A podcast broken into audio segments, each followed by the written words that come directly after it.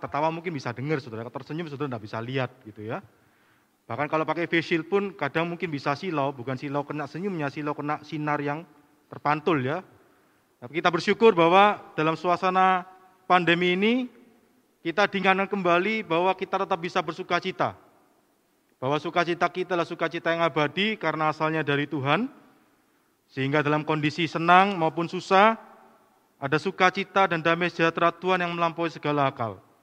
Dan itulah yang Tuhan terus janjikan, bahkan Tuhan terus karyakan di dalam kehidupan saudara dan saudara dan saya sampai hari ini.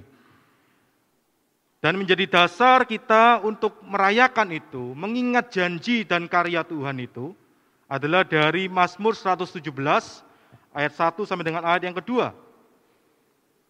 Saudara, ketika saya diberikan perikop ini, Secara praktis saya senang kenapa? Karena ini perikopnya pendek. Tapi juga mengingatkan kepada saya supaya mungkin juga khotbahnya jangan lama-lama. Mungkin, mungkin ya toh, siapa tahu begitu ya. Karena kan kalau pendek itu kan bacanya cepat begitu. Kalau panjang mungkin perikopnya panjang bisa lama.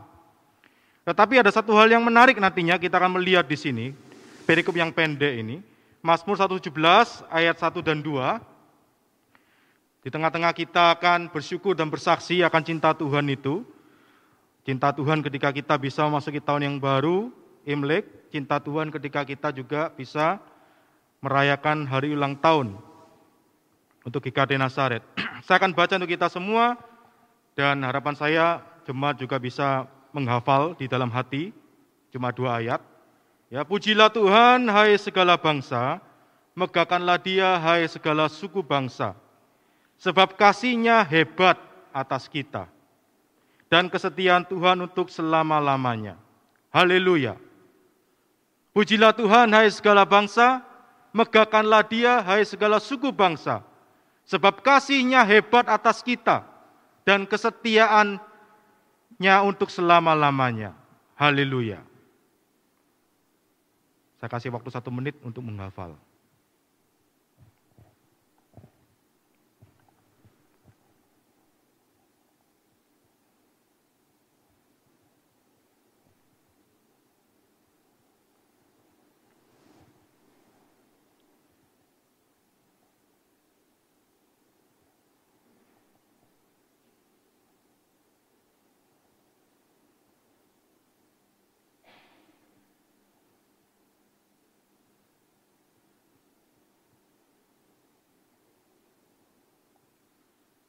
Oke, saya mulai dulu ya.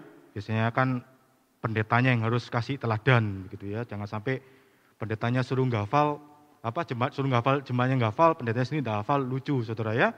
Nah, saya akan mulai dulu. Silakan di slide-nya dimajukan lagi ke yang pertama gitu ya supaya tidak kelihatan gitu ya. Pujilah Tuhan, hai segala bangsa, megahkanlah dia, hai segala suku bangsa, sebab kasihnya hebat atas kita dan kesetiaan Tuhan untuk selama-lamanya. Haleluya. Saya hafal. Sekarang silakan jemaat yang ada di sini sama jemaat yang ada di mana di rumah masing-masing atau di mobil masing-masing atau di kamar masing-masing di mana pun berada ya yang melihat ini. Mari kita coba hafal sama-sama. Satu, dua, tiga. Pujilah Tuhan hai segala bangsa. Megahkanlah dia hai segala suku bangsa. Sebab kasihnya hebat atas kita dan kesetiaan Tuhan untuk selama-lamanya. Haleluya. Ya, jangan nanti ketika ditanya, tadi khotbahnya tentang apa? Disuruh hafal ayat. Apa bunyinya? Yang diingat cuma yang paling terakhir. Haleluya. Jadi halelupa gitu ya. Nah, saudara kasih Tuhan, Mazmur 117 yang kita barusan hafalkan itu, itu ada dua fakta yang perlu kita ingat, yang menarik. Yang pertama, Mazmur ini adalah pasal terpendek di dalam keseluruhan Alkitab, ya cuma dua ayat. Pasal yang terpendek dalam kitab Mazmur dan juga pasal yang terpendek dalam keseluruhan Alkitab. Karena terdiri dari hanya dari dua ayat dan kalau dalam bahasa Ibrani-nya itu cuma 17 kata. Ya, sangat pendek sekali. Itu fakta yang pertama, pasal yang terpendek. Nah, kenapa saya berkata demikian? Ya, karena sering kali yang pendek-pendek, yang kecil-kecil itu ya di, diremehkan begitu ya. Wah, ini masih sekia, masih kecil, masih pendek. wah tidak ada, ada gunanya. Tapi kita ini ada pasal yang paling pendek. Tetapi mempunyai berita yang besar. Pasal yang kecil tetapi punya Di samping itu fakta yang kedua, Mazmur 117 ini kalau kita bicara soal pembagian Alkitab kita berdasarkan pasal ya, nomor-nomor pasal itu, maka Mazmur nomor 117 itu bisa dikatakan sebagai pasal yang berada di tengah Alkitab berdasarkan perhitungan jumlah pasal dari keseluruhan Alkitab. Alkitab kita, kalau dihitung berdasarkan jumlah pasalnya, itu berjumlah 1189 pasal. Ya kalau tidak percaya nanti silakan di rumah dihitung sendiri ya. Kejadian pasal 1 sampai Wahyu pasal 22 itu jumlahnya dihitung. Ada 1108. Nah, Mazmur 117 itu adalah pasal nomor 595. Ya, kalau dihitung dari kejadian pasal 1 ya, sampai Mazmur 117 itu Mazmur 117 adalah pasal nomor 595. Itu ada di tengah-tengah. Karena pasal sebelumnya, jumlah pasal sebelum Mazmur 117 itu adalah 594 pasal dan jumlah pasal setelah Mazmur 117 itu adalah tengah-tengah. Ya, biasanya sesuatu yang ada di tengah-tengah itu kita anggap berharga, kita anggap kita anggap penting ya karena ini wah ini yang menjadi pembatas kita. Menjadi tengah-tengah. Nah, bagi karena saudara kasih Tuhan, memang sekali lagi Mazmur 117 itu adalah Mazmur yang pendek, Mazmur yang ringkas, cuma dua pasal, cuma 17 kata dalam bahasa Ibrani-nya, berukuran kecil dibandingkan pasal-pasal yang lain, apalagi Dibandingkan dengan Mazmur 119 ya, dua pasal setelah Mazmur 117, Mazmur 119 itu kan panjang sekali. Mazmur 117 itu Mazmur yang kecil. Tetapi Mazmur ini berisi berita yang besar dan penting. Nah, secara khusus ketika kita kaitkan dengan perayaan pada hari ini, di tengah-tengah suasana pandemi, bahwa ketika kita merayakan ulang tahun kita, ketika kita merayakan tahun yang baru, Tuhan menyediakan dua kado bagi kita melalui pasal melalui Mazmur 117 ini. Ada dua hadiah yang Tuhan sediakan bagi kita. Yang pertama adalah bahwa di tengah-tengah peringatan dan perayaan syukur ini, Tuhan menyediakan kado kehebatan kasihnya, kehebatan cintanya, dan yang kedua, Tuhan menyediakan kehebatan kado, eh, kado yang kedua adalah ketidakberubahan dari kesetiaan Tuhan. Kado yang pertama, cinta Tuhan yang hebat. Kado yang kedua, setia Tuhan yang tidak berubah. Nah, kalau kita bicara kado, biasanya kado itu ketika dikasih ya sudah, ya, tidak akan dikasih lagi. Ya, istri saya ulang tahun kemarin, kalau orang ngasih kado ke dia, ya sudah, kado itu hanya diberikan waktu hari ulang tahunnya. Tidak akan mungkin istri saya nagih ke saya, Pak minta kadonya lagi. Loh kan kemarin ulang tahun kan sudah dikasih. Minggu depannya minta kado lagi. Nah mungkin saudara. Biasanya kado kan begitu ya toh. Dikasih ya pas pada hari harinya. Sudah ya sudah, ojo minta lagi. Nah saudara, ini bedanya kado Tuhan dengan kado kita saudara. Tuhan tidak perlu nunggu ulang tahunnya GKD Nasaret ini dikasih kado. Kadonya Tuhan itu ya dari dulu sampai sekarang saudara, dikasih terus sama Tuhan. Tuhan tidak pernah berhenti untuk memberikannya kepada kita. Karena dia adalah Tuhan yang ya penuh kasih karunia. Penuh rahmat. Bahkan Yesus sendiri berkata bukan, barang siapa yang percaya kepadaku, di dalam hatinya itu akan menjadi sumber air kehidupan yang berlimpah-limpah, saudara. Karena sumbernya Tuhan itu memang berlimpah-limpah, tidak akan pernah berhenti, saudara. Sehingga kado-kado yang akan kita renungkan pada pagi hari ini, itu berlaku untuk saudara dan saya, bukan hanya hari ini saja. Itu terus Tuhan karyakan, terus Tuhan berikan di dalam kehidupan saudara dan saya. Hanya.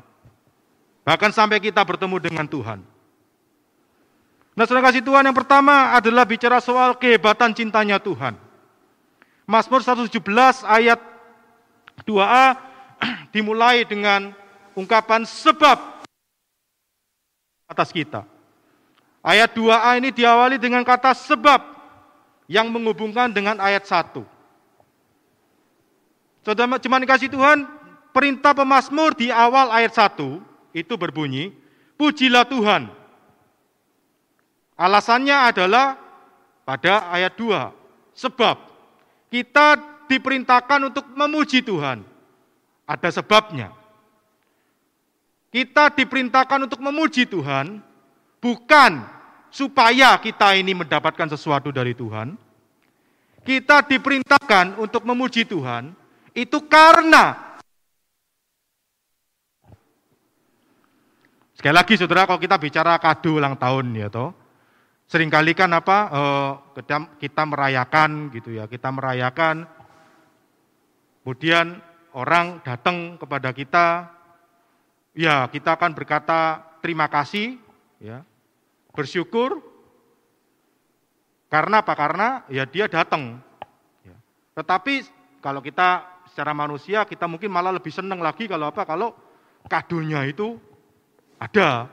Tidak cuma datang tok, makan tok. Ya. Pasti akan jadi omongan. Itu tiap kali nih ulang tahunnya si A, si B, si C, si D itu mek datang mek mangan tok ngucapkan selamat ulang tahun, tapi tidak ngasih kado, tidak berikan kado.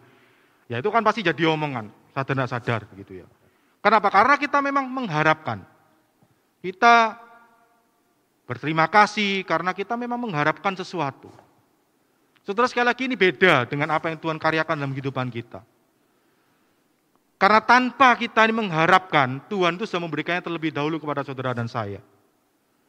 Karena itulah pemazmur mengatakan, pujilah, bukan supaya, supaya kamu ini mengalami cintanya Tuhan, bukan. Tetapi karena saudara dan saya sudah mengalami cinta Tuhan yang hebat itu. Nah, kasih Tuhan perintah pemazmur di awal ayat 1 itu berbunyi pujilah Tuhan. Bandingkan dengan kata haleluya di akhir ayat 2. Ya. Yang sebetulnya Mazmur ini diawali dengan ungkapan yang sama. Pujilah Tuhan, dan di akhir ayat yang kedua, haleluya itu itu artinya sama, pujilah Tuhan. Hanya saja itu adalah haleluya itu bentuk lebih ringkas dari pujilah Tuhan di, di awal ayat 1. Haleluya et Adonai, haleluya et ya, Yahweh, Yahweh. Disingkat di akhir ayat yang kedua, haleluya. Pujilah Tuhan. Jadi sebetulnya Mazmur 117 ini diawali dan diakhiri dengan perintah yang sama. Pujilah Tuhan. Nah, saudara kasih Tuhan, apa artinya memuji Tuhan di sini? Pujilah Tuhan di sini. Arti halelu, pujilah, ya, pujilah Tuhan, itu kalau mau disejajarkan dengan istilah modern zaman sekarang, itu dapat diterjemahkan sorotilah Tuhan. Ya, seperti kalau sekarang di sini akan ada lampu yang nyoroti saya. Tujuannya? Tujuannya apa saudara? Lampu itu menyoroti saya Bukan menyoroti saudara yang ada di jemaat ini. Tujuannya apa? Ada lampu sorot ke saya ini. Supaya saya bisa dilihat toh. Kalau lampu sorotnya itu ditujukan ke yang main musik, ya sudah yang dilihat yang main musik. Kalau lampu sorot itu ditujukan ke mana begitu, ya itu yang dilihat. Nah sehingga pemazmur ini sebetulnya ingin memerintahkan, mengajak kepada umat Tuhan bukan sekedar memuji untuk nyanyi gitu ya atau beribadah itu memang salah satu cara untuk melakukannya. Tetapi aspek yang lebih penting daripada perintah memuji Tuhan itu apa? Kita ini diminta supaya bisa menjadikan Tuhan itu sorotan tersorot di dalam hidup kita. Sehingga kita ini bagikan seperti lampu yang membuat orang itu bisa melihat Tuhan. Kita adalah lampu sorotnya Tuhan Sorotilah Tuhan, saksikanlah Tuhan kalau pakai bahasa sehari-hari yang ada dalam kehidupan kita. Sehingga bukan menyaksikan diri kita, bukan menyaksikan kehebatan kita, bukan menyaksikan keluar biasaan kita, bukan menyaksikan segala kemahiran kita, tetapi biarlah melalui diri kita orang bisa menyaksikan Tuhan. Itulah sebetulnya yang dimasukkan oleh pemazmur. Sorotilah Tuhan, saksikan Tuhan. Hai segala bangsa, Megakanlah dia. Hai segala. Karena apa? Karena kasihnya itu hebat. Nah, saudara Tuhan, alasan pemazmur untuk memuji, memegahkan dia, menyoroti Tuhan, menyaksikan Tuhan, itu bukan sekali lagi supaya kita itu mengalami kasihnya Tuhan yang hebat, tetapi karena kita telah mengalami cinta Tuhan yang hebat itu. Nah, apakah kehebatan kasih Tuhan yang disaksikan oleh pemazmur di sini? Apa yang membuat pemazmur berkata kasihnya itu hebat atas kita? Bagi pemazmur kasih Tuhan cinta yang tidak pilih kasih, tidak terkotak-kotak. Perhatikan saudara perintahnya itu adalah untuk segala bangsa. Dan itu dibuat lebih jelas lagi, hai segala bangsa, megakanlah dia, hai segenap suku bangsa. Dengan kata lain, semua orang di dunia ini mengalami, bisa mengalami cintanya Tuhan itu. Bahkan sudah seharusnya mengalami cintanya Tuhan itu. Karena itu pemazmur mengajak supaya segala suku bangsa, segala bangsa, Tuhan itu, kasihnya yang hebat itu. Sudah kasih Tuhan ini adalah perintah untuk menyaksikan, menyoroti supaya orang bisa lihat kehebatan cinta Tuhan itu dan itu berlaku bagi semua. Bukan hanya bagi yang merayakan Imlek, ya hanya orang-orang Tionghoa saja yang bisa memuji Tuhan, menyaksikan Tuhan karena merayakan Imlek. Tetapi sebetulnya Mazmur 17 ini berlaku untuk semua orang yang sudah mengalami kehebatan cintanya Tuhan itu. Semua suku yang telah mengalami kehebatan cinta Tuhan itu, itu diajak untuk bisa menyaksikan kehebatan cintanya Tuhan itu. Sehingga ketika kita sebagai katakanlah misalkan saya lahir di Surabaya, orang Surabaya, itu bisa memuji kehebatan cintanya Tuhan itu. Tetapi pemazmur berkata, bukan hanya pujilah Tuhan hai orang-orang Surabaya, tetapi pujilah Tuhan hai segala bangsa. Artinya apa? Saya perlu juga mengajak yang lain-lain, walaupun mungkin bukan orang Surabaya. Saya bisa mengajak orang Madura, saya bisa mengajak orang di luar Surabaya, orang Jawa Tengah, Jawa Timur, orang mana pun untuk memuji Tuhan. Karena kehebatan cinta Tuhan itu adalah berlaku untuk semua. Bukan hanya bagi saya, katakanlah misalnya orang Surabaya. Saudara kasih Tuhan, Tuhan tidak pernah pilih kasih. Tidak pernah melihat, oh karena kamu ini adalah ganteng, gitu ya, kulitnya putih, kurus, nah gendut-gendut misalkan begitu ya. Melihat penampilan luar, melihat keturunan. Kalau dalam orang Jawa itu ada yang mengajarkan bahwa kalau mencari jodoh itu perlu 3B, ya, bibitnya baik, bobotnya baik, bebetnya juga baik. Tetapi cinta Tuhan itu tidak diukur dengan 3B, saudara. Apa pun kondisi kita, dari mana pun asalnya kita, kita bisa mengalami cintanya Tuhan itu. Dan Tuhan menyediakan itu bagi saudara dan saya. Anak-anak yang lahir terkena Down syndrome, apakah, apakah mereka tidak mengalami cintanya Tuhan? Mereka mengalami cintanya Tuhan. Mereka bisa mengalami kehebatan cintanya Tuhan itu. Mungkin orang tua yang mempunyai anak demikian merasa kesulitan, kesusahan. Tapi ingatlah, Tuhan sayang kepada anak itu walaupun Down syndrome. Dalam kondisi pandemi seperti ini, yang menghadapi masa-masa yang sulit, apakah berarti Tuhan tidak lagi menyatakan kehebatan cintanya kepada kita? Seakan-akan bahwa Tuhan juga lepas tangan, sudah wis susah semua, saya pun juga susah. Manusia mungkin bisa berkata demikian, kasihnya bisa dibatasi oleh situasi. Tetapi kasihnya Tuhan tidak bisa dibatasi oleh apa pun. Itulah kehebatan cinta Tuhan, saudara. Dan saya percaya kita semua termasuk GKT Nasaret sudah dan akan terus mengalami kehebatan cintanya Tuhan itu. Di tengah kondisi apa pun, yang sangat sulit sekalipun. Tuhan masih terus mengkaryakan itu dalam kehidupan kita. Pertanyaannya adalah, apakah kita sungguh-sungguh percaya? Apakah saudara mengimani dan mengamini bahwa Tuhan sedang mengkaryakan cintanya itu kepada saudara dan saya? Bahkan di tengah-tengah situasi yang sulit sekalipun. Karena jujur harus kita akui bahwa ketika kondisi sedang tidak baik, kita pun bisa mulai meragukan apakah Tuhan masih cinta kepada saya. Tetapi hari ini pemazmur mengatakan bahwa kado itu Tuhan sudah sediakan, tidak perlu nunggu ulang tahun, tidak perlu nunggu kondisi tidak lagi pandemi, bahkan dalam kondisi yang sulit sekalipun, tidak ulang tahun sekalipun, pujilah Tuhan, saksikanlah terus Tuhan. Karena apa? Kasihnya hebat atas saudara dan saya.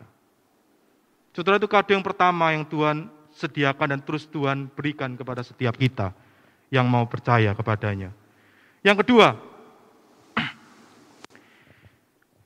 dilanjutkan bahwa sebab kasihnya hebat atas kita dan kesetiaan Tuhan untuk selama-lamanya. Haleluya. Saksikanlah Tuhan, kata pemazmur. Dua adalah bicara soal ketidakberubahan kesetiaan Tuhan. Kasih Tuhan itu hebat, tidak pilih kasih, melainkan berlaku bagi semua orang dari segala suku bangsa dalam segala situasi dan kondisi. Pemasmur tidak berhenti sampai di sana. Ia melanjutkan alasan perintah untuk menyaksikan Tuhan itu adalah karena kesetiaan Tuhan untuk selama-lamanya. Kesetiaan Tuhan itu tidak berubah seperti musim yang bisa berubah. Manusia bisa berubah setia dalam perjalanan waktu. Ya hari ini mungkin baik-baik, tetapi karena satu masalah ya sudah wis. Kita tidak bisa lagi mengasihi seperti semula.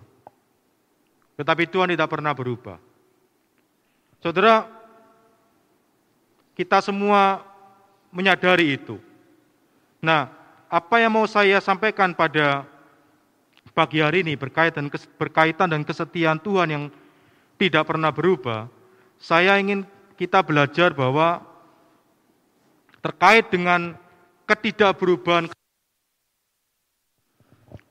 bukan saja bicara soal tidak akan berubah sepanjang waktu, tidak akan berubah oleh berbagai macam kondisi, ya.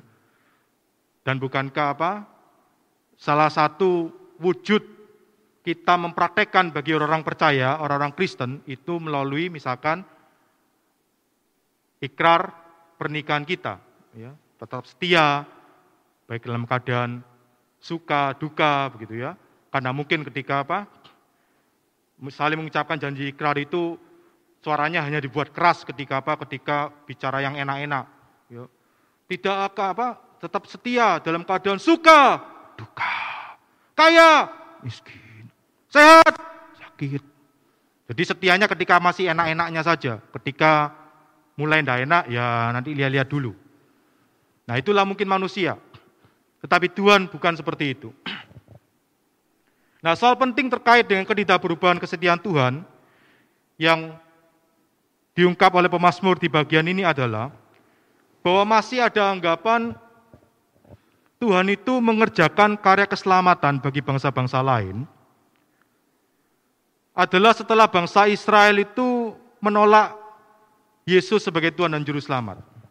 Jadi gambarannya seakan-akan mestinya Tuhan itu hanya mau menyelamatkan bangsa Israel. Tetapi bangsa Israel itu tidak mau, Tuhan berkata, ya wis kamu yang tidak mau, tak kasih no orang lain. Karena kamu tidak mau, saya berikan orang lain. Itu masih ada anggapan seperti itu. Makanya ada yang masih tetap menganggap, percaya bahwa Yesus itu hanyalah nabi bagi orang-orang Israel. Yesus itu bukan nabi untuk semua orang. Atau Yesus itu hanyalah Tuhan bagi orang-orang Israel. Yesus itu bukan bukan Tuhan bagi semua orang. Yesus itu baru menjadi Tuhan bagi semua orang ketika orang Israel itu tidak mau mengaku Yesus sebagai Tuhan. Waktunya mau habis ya? Oh tolong jangan pegang mic bagaimana? Oh maaf, maaf. Saya pikir waktunya habis. Waduh ini waktu tinggal lima menit ini ya toh. tolong jangan pegang mic bagian bawah, oke. Dipegang bagian atas. Terima kasih untuk infonya. Uh, sampai mana tadi sampai lupa saya. Oh ya, jadi ada anggapan Yesus itu hanya Tuhan bagi orang Israel. Baru setelah orang Israel itu menolak Yesus, menyalibkan dia, terus Tuhan berkata, ya wis, lu ndak mau ya, ya sudah, tak kasih no orang lain cintaku itu. Ya, seperti kayak apa? Kayak orang pacaran gitu ya. Aku sayang kamu. Terus yang pacar bilang, enggak paten aku, enggak mau aku, enggak mau sama kamu. Terus akhirnya pacarnya kan merasa jengkel ya. Kamu sungguhnya enggak mau saya sayangi. Ya wis, sudah wis, ya wis, sudah wis, tak babak babak no kamu ya. Biar no sudah tak pindahkan cintaku untuk orang yang lain. Nah saudara, mungkin ada anggapan seperti itu. Tetapi ketika Mazmur mengatakan kesetiaan Tuhan untuk selama-lamanya, itu adalah untuk mengatakan bahwa bukan seperti itu cara kerjanya setianya Tuhan itu. Seakan-akan Tuhan itu cari yang lain setelah yang satu yang dimau itu tidak mau, baru cari yang lain. Bukan seperti itu saudara. Pemasmur justru mengatakan sebaliknya. Kesetiaan Tuhan itu tidak berubah karena apa? Karena sejak awal Tuhan itu mengerjakan karya keselamatannya itu bagi segala bangsa. Tidak spesifik hanya bagi bangsa Israel. Bangsa Israel itu hanya menjadi alat Tuhan. Saudara, kalau kita perhatikan Mazmur 17 secara khusus, kata bangsa yang digunakan di ayat 1 dalam frase segala bangsa itu sebenarnya dapat diterjemahkan sebagai bangsa non-Israel. Atau kalau dalam bahasa Inggrisnya itu ada istilah yang namanya Gentiles. Atau kalau mau pakai bahasa Indonesia terjemahan lain yang berkonotasi buruk, bangsa non-Israel, pakai terjemahan lain bahasa Indonesia yang berkonotasi buruk, itu adalah kafir. Jadi sebetulnya ayat 1 itu bisa terjemahkan, pujilah Tuhan, hai segala orang kafir. Saudara,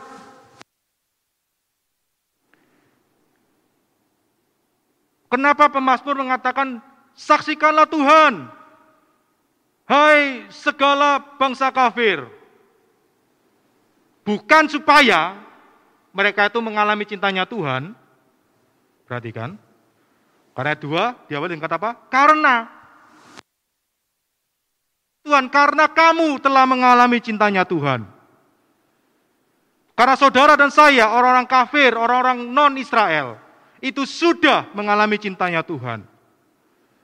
Jadi pemazmur sebenarnya sudah menunjukkan bahwa kesetiaan Tuhan itu memang tidak berubah selama-lamanya. Bukan gara-gara Israel itu tegar tengkuk berubah setia, baru kemudian Tuhan tuh mau setia sama bangsa kafir, bangsa non-Israel. Bukan. Tetapi sejak awal, sejak diciptakan, sejak Tuhan mengerjakan karya keselamatannya, sejak Adam dan Hawa jatuh ke dalam dosa, Cinta Tuhan yang hebat kepada manusia itu tidak dibatasi oleh suku bangsa.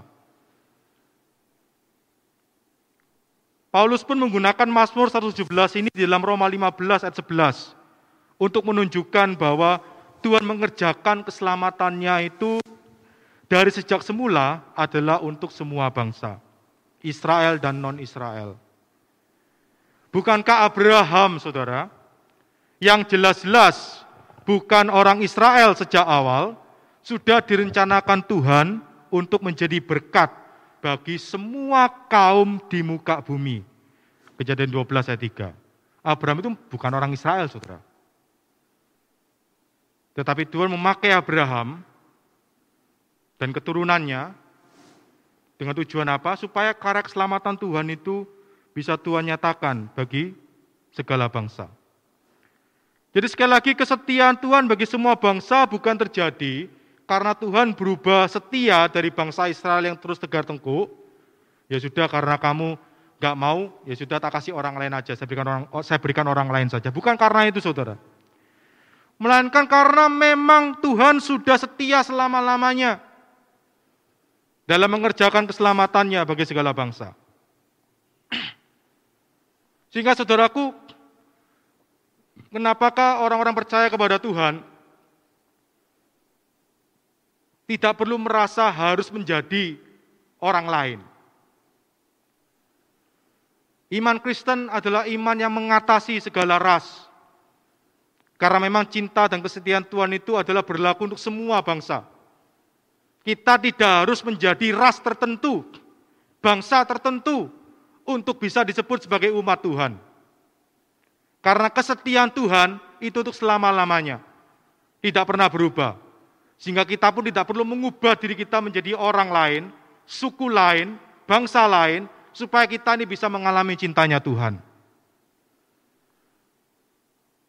Sehingga kita sebagai orang-orang percaya kepada Tuhan, yang kita lakukan apa? Kita menghidupi jadi diri kita, budaya kita, tradisi kita, yang sudah digarap, diterangi, ditebus, dimerdekakan, dan ditransformasi oleh Tuhan.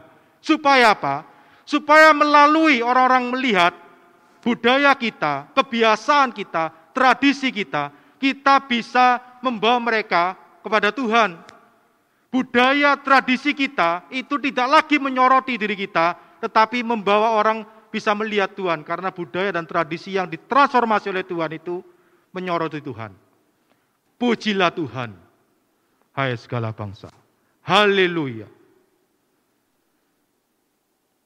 Kesetiaan Tuhan itu untuk selama-lamanya. Saudara kasih Tuhan, kasih Tuhan itu hebat karena sekali lagi ia mengerjakan karya keselamatannya, ia memberikan cintanya itu kepada semua bangsa. Ia tidak pernah pilih kasih. Kesetiaan Tuhan itu juga tidak berubah karena ia tidak pernah menggantikan objek karya keselamatannya. Semua bangsa termasuk GKT Nasaret, bangsa Indonesia, dan semua suku yang ada di negara kita sudah mengalami kehebatan cinta dan ketidakberubahan kesetiaan Tuhan itu. Dan secara khusus pada hari ini, GKT Nasaret sudah 93 tahun mengalami dan akan terus mengalami kasih dan kesetiaan Tuhan itu. Karena itu saudara yang kasih Tuhan, perintah untuk memuji, menyoroti, dan menyaksikan Tuhan di ayat 1 Mazmur ini, Mazmur 117 ini, adalah perintah bagi kita semua untuk terus kita lakukan. Bersyukur dan bersaksi akan cinta dan kesetiaan Tuhan. Supaya apa? Supaya semakin banyak orang dari segala bangsa, dari segala suku, juga boleh menikmati cinta Tuhan yang hebat dan kesetiaannya yang tidak berubah itu. Yang sudah kita alami dan rasakan sampai hari ini. Yesus dalam Matius 24 ayat 14 mengatakan bahwa Injil kerajaan, kabar baik tentang cinta dan kesetiaan Tuhan itu akan menjadi kesaksian bagi semua bangsa. Ia sendiri juga sudah memerintahkan seperti yang dilakukan Memasmur untuk menyaksikan kabar baik itu dengan menjadikan segala bangsa muridnya. Matius 28 ayat 19. Saudaraku, Mazmur 117 sebetulnya adalah amanat agung perjanjian baru yang termaktub di dalam perjanjian lama. Pasal yang pendek, pasal yang singkat, tetapi mempunyai berita yang agung, berita yang besar, berita tentang misi kerajaan Allah yang Tuhan karyakan bagi semua bangsa, bagi saudara dan saya. Kita semua termasuk GKT Nasaret sudah menerima dan mengalami selama 93 tahun kado cinta dan kesetiaan Tuhan. Kiranya kado-kado itu terus menjadi pendorong dan penyemangat dalam menjalankan misi Tuhan di masyarakat sekitar kita. Surabaya ini, Indonesia, bahkan sampai ujung bumi.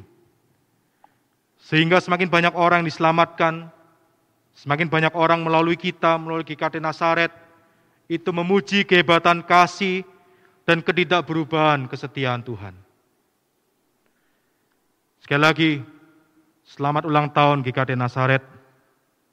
Tuhan Yesus memberkati dan semakin memakai GKT Nasaret menjadi berkat bagi banyak orang. Kita berdoa. Tuhan terima kasih karena Engkau begitu mengasihi kami dengan luar biasa. Bahkan pemazmur menggambarkannya bahwa kasihmu itu hebat. Bahkan setiamu adalah setia yang tidak berubah sampai selama-lamanya Tuhan. Tolong kami, supaya kami yang sudah menikmati kehebatan cinta dan ketidakberubahan setiamu itu.